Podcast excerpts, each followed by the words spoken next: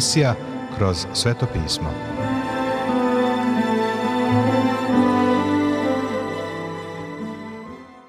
Dobroveče, poštovani slušaoci i dobrodošli u još jednu emisiju programa Kroz Sveto pismo, programa koji je za vas napisao Vernon McGee, a pročitao Branko Bjelajac. Želimo vam prijetno i blagoslovljeno slušanje.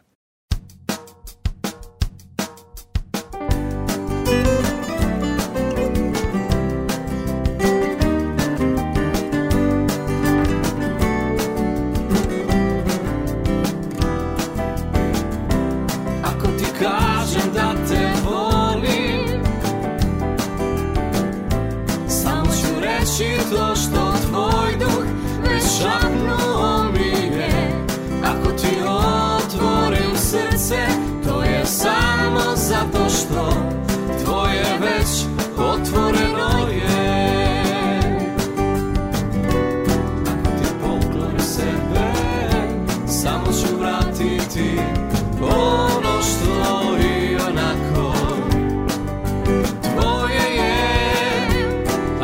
zapeo pesmu Svi su ti tonovi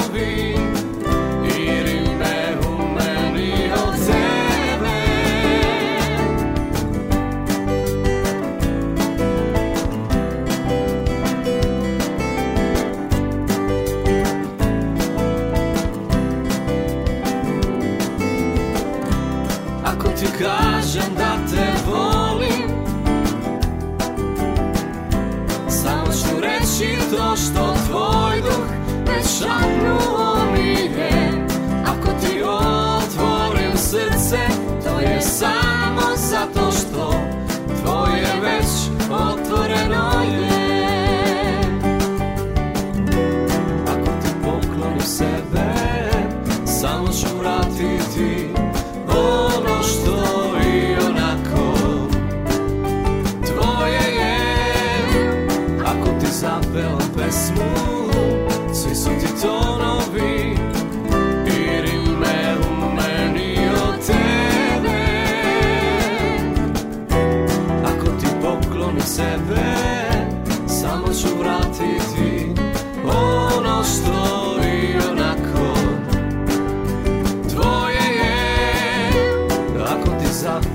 nessuno, senso di tono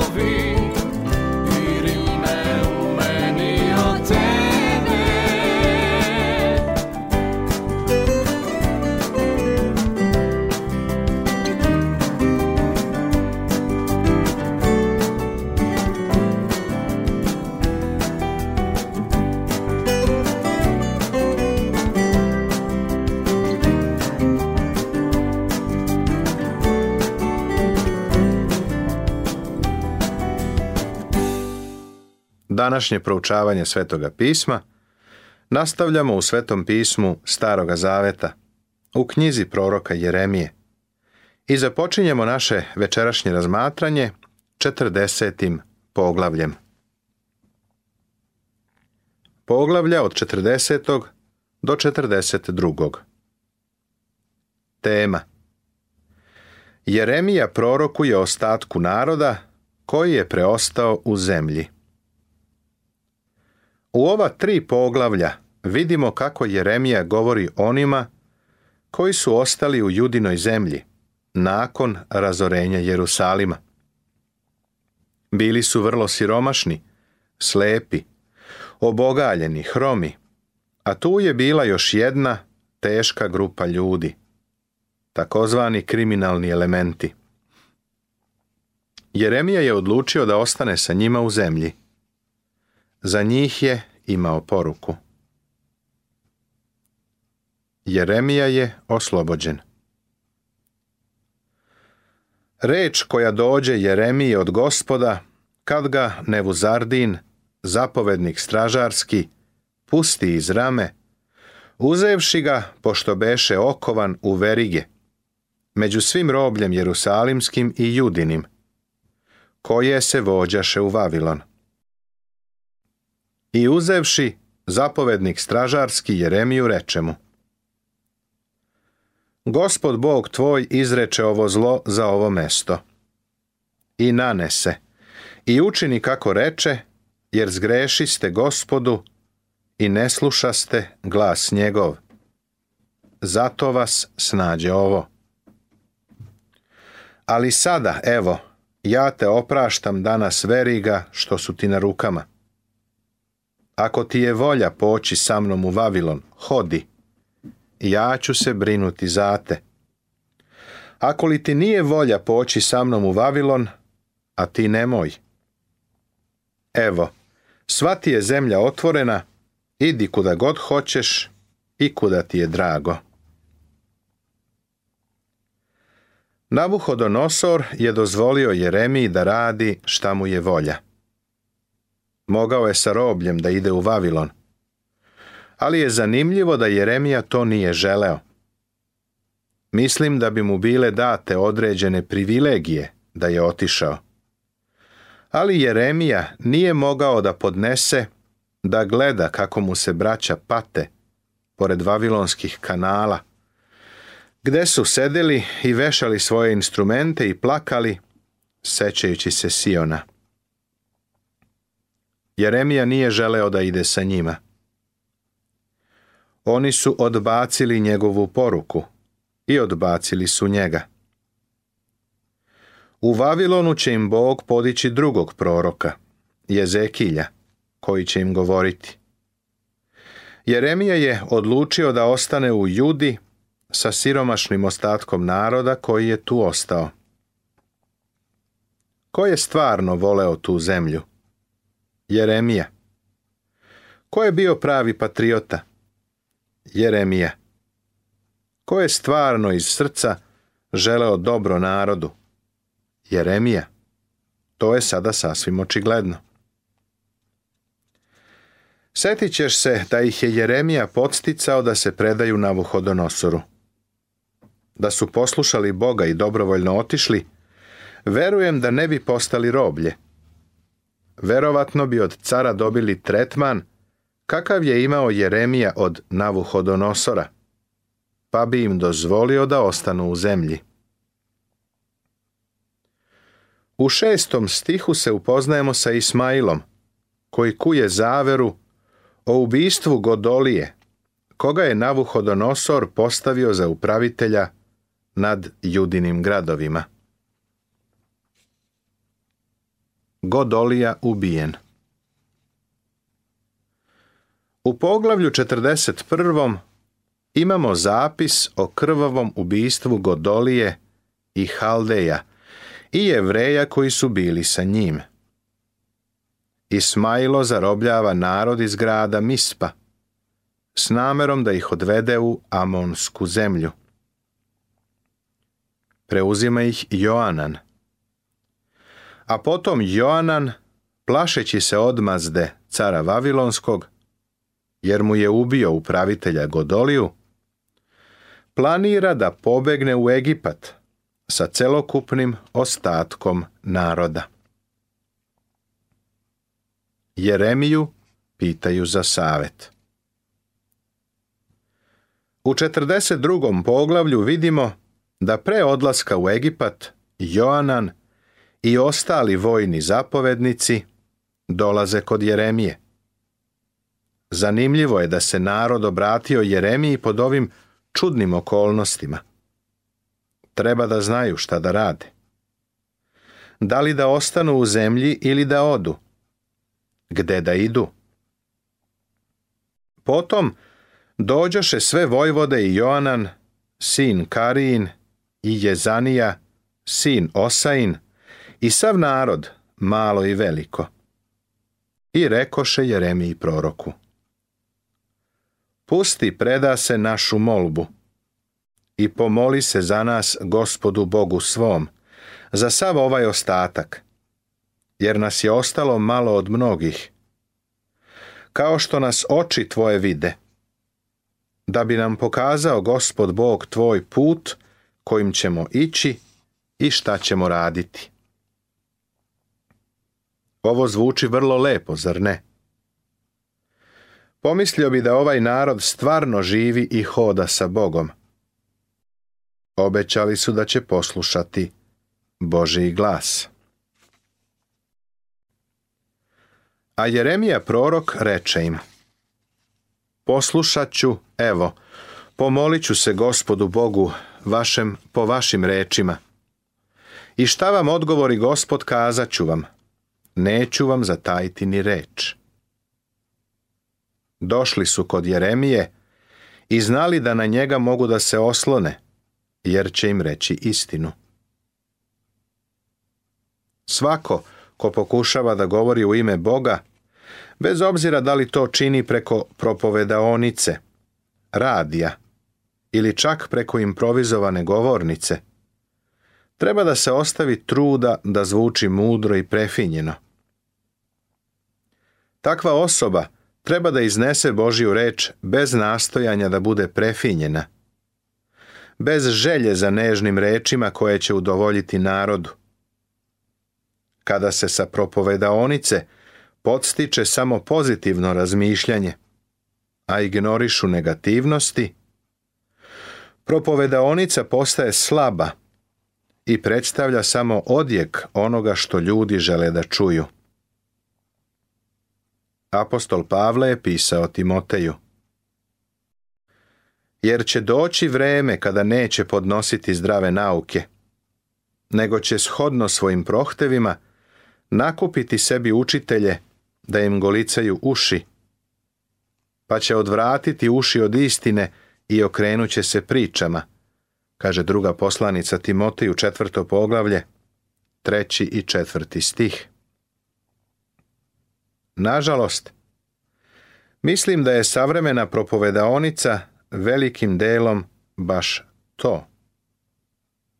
Iz tog razloga je postala ekstremno slaba i ne sadrži poruku za vreme u kojem živimo.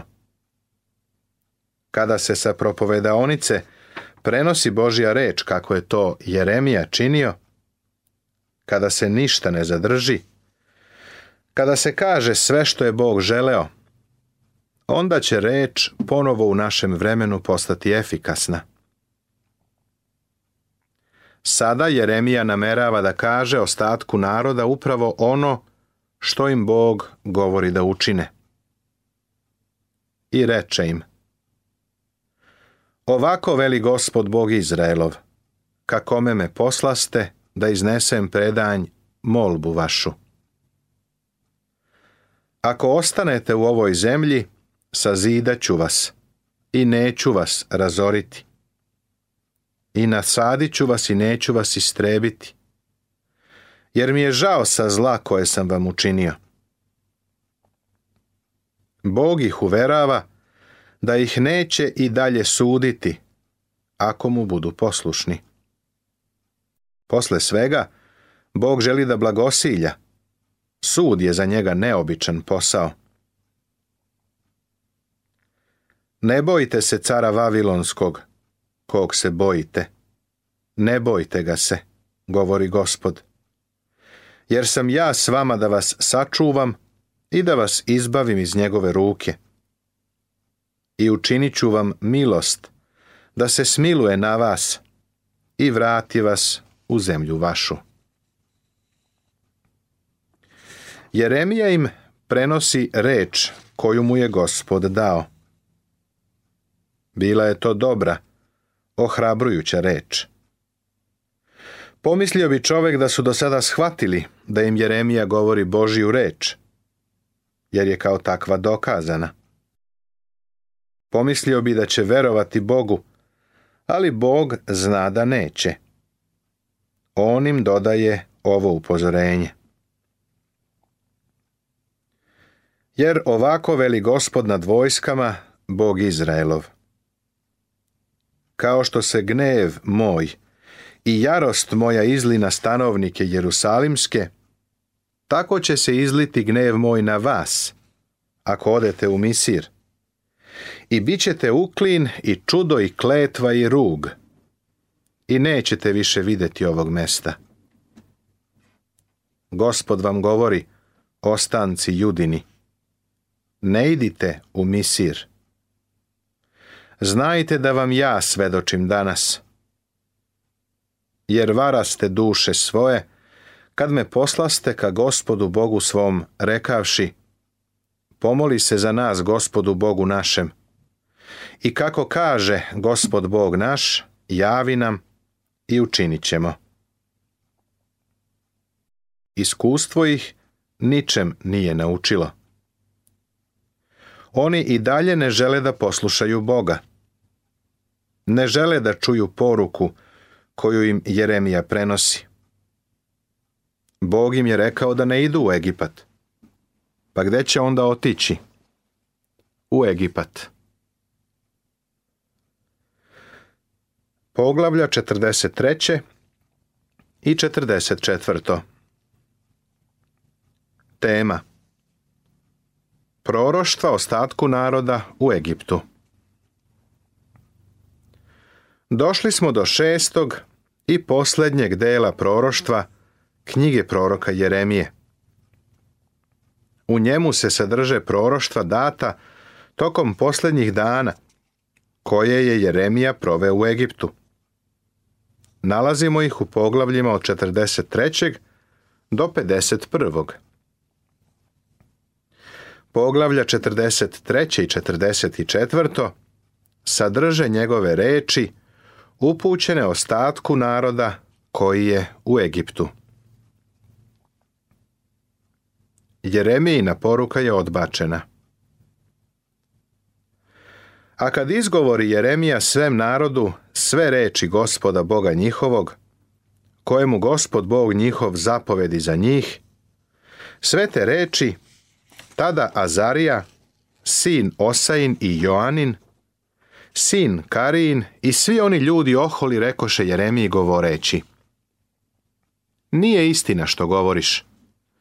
Nije te poslao gospod Bog naš da nam kažeš, ne idite u misir, da se onde stanite.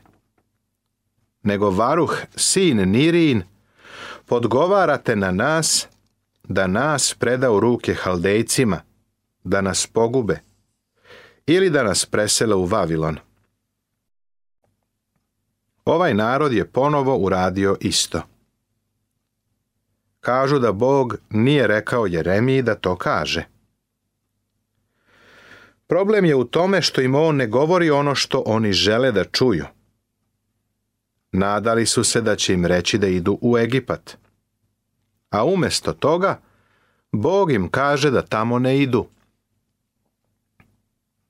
Nego Joanan, sin Karin, i sve vojvode uzeše sav ostatak Judin, koji se beše vratio da živi u zemlji Judinoj, iz svih naroda, u koje behu razagnani.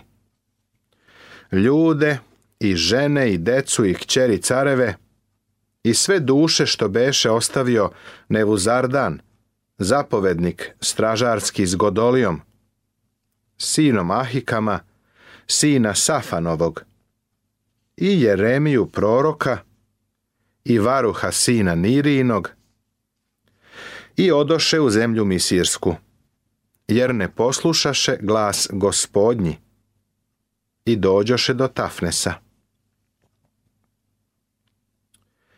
Joanan i ostali vojni zapovednici prisilili su narod da ode u Egipat, uključujući i proroka Jeremiju. Tako oni odlaze u Tafnes, mesto blizu kojega su kao narod pošli u Gošen, u Egiptu primorali su Jeremiju da preko svoje volje ide sa njima, ali im on i dalje govori.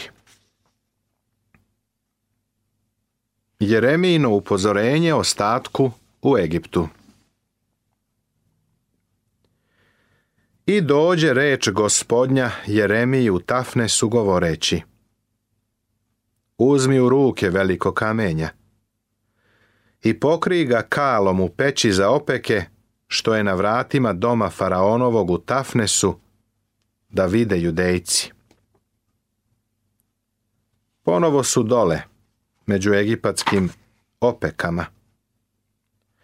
Vidimo kako im neposlušnost Bogu ne pomaže da napreduju. Vratili su se na mesto sa koga su pošli. I reci im, Ovako veli gospod nad vojskama, Bog Izraelov. Evo, ja ću poslati i dovesti Navuhodonosora, cara Vavilonskog slugu tvog, i ću presto njegov na ovo kamenje koje sakrih i razapeće carski šator svoj na njemu. Jer će doći i zatrati zemlju misirsku, Ko bude za smrt, otići će na smrt, ko za ropstvo u ropstvo, ko za mač, pod mač. U Egipat su otišli da bi pobegli od Navuhodonosora. Ali će Bog dozvoliti Navuhodonosoru da zauzme Egipat. Gore im je nego da su poslušali Boga i ostali u zemlji. Ponovo će pasti pod Navuhodonosora, ali sada izvan svoje zemlje, pa će ih Navuhodonosor porobiti. Ostatak naroda u Egiptu odbacuje Boga. Poglavlje 44. beleži potpuno odbacivanje poslušnosti Bogu od strane ostatka naroda u Egiptu. Bog strpljivo objašnjava da je on odgovoran za invaziju i opustošenje Jude. Ovako veli gospod nad vojskama, Bog Izraelov. Vi videste sve zlo što navedeh na Jerusalim i na sve gradove Judine. I evo su danas pusti i nema nikoga da živi u njima. Za zloću njihovu koju učiniše, da bi me gnevili, hodeći da kade i služe drugim bogovima, kojih ne znaše ni oni, ni vi, ni oci vaši. Bog im ponovo navodi razlog za kaznu. A sada ovako veli gospod Bog nad vojskama, Bog Izraelov. Zašto sami sebi činite tako veliko zlo? Da istrebite iz jude ljude i žene – decu i koja siseju, da ne ostane u vas ostatka. Gneveći me delima ruku svojih, kadeći drugim bogovima u zemlji Misirskoj, u koju dođoste da se stanite, da biste se istrebili i postali kletva i rugu svih naroda na zemlji. Kakvo otkrivenje Božije ljubavi! On njih i dalje moli da mu se vrate. Drzak odgovor je primjer krajnje iskvarenosti ljudskoga srca.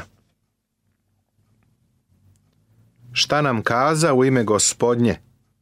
Nećemo te poslušati. Nego ćemo činiti sve što je izašlo iz naših usta, kadeći carici nebeskoj i lijući joj nalive, kao što smo činili mi i oci naši carevi naši i knezovi naši po gradovima judinim i po ulicama jerusalimskim, jer beja smo siti hleba i beše nam dobro i zlo ne viđa smo. Sada im nije ostalo ništa osim suda. Nastavit će se.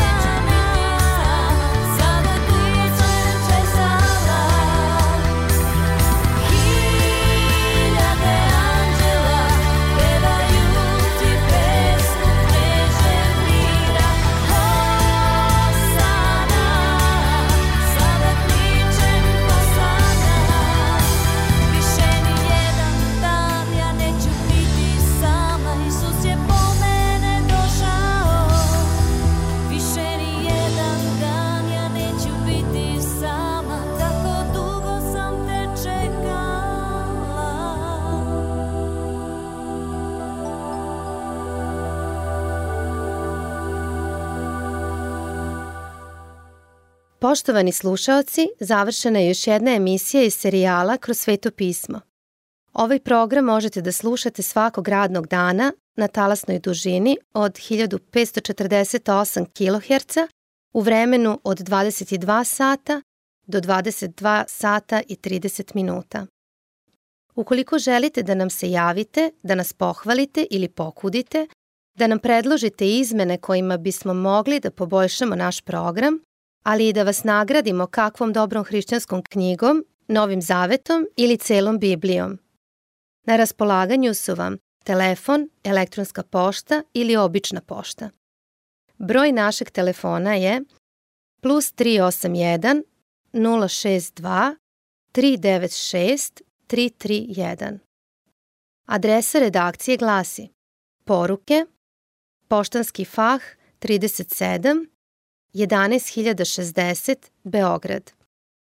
Elektronskom poštom nas možete kontaktirati na krosvetopismo at gmail.com.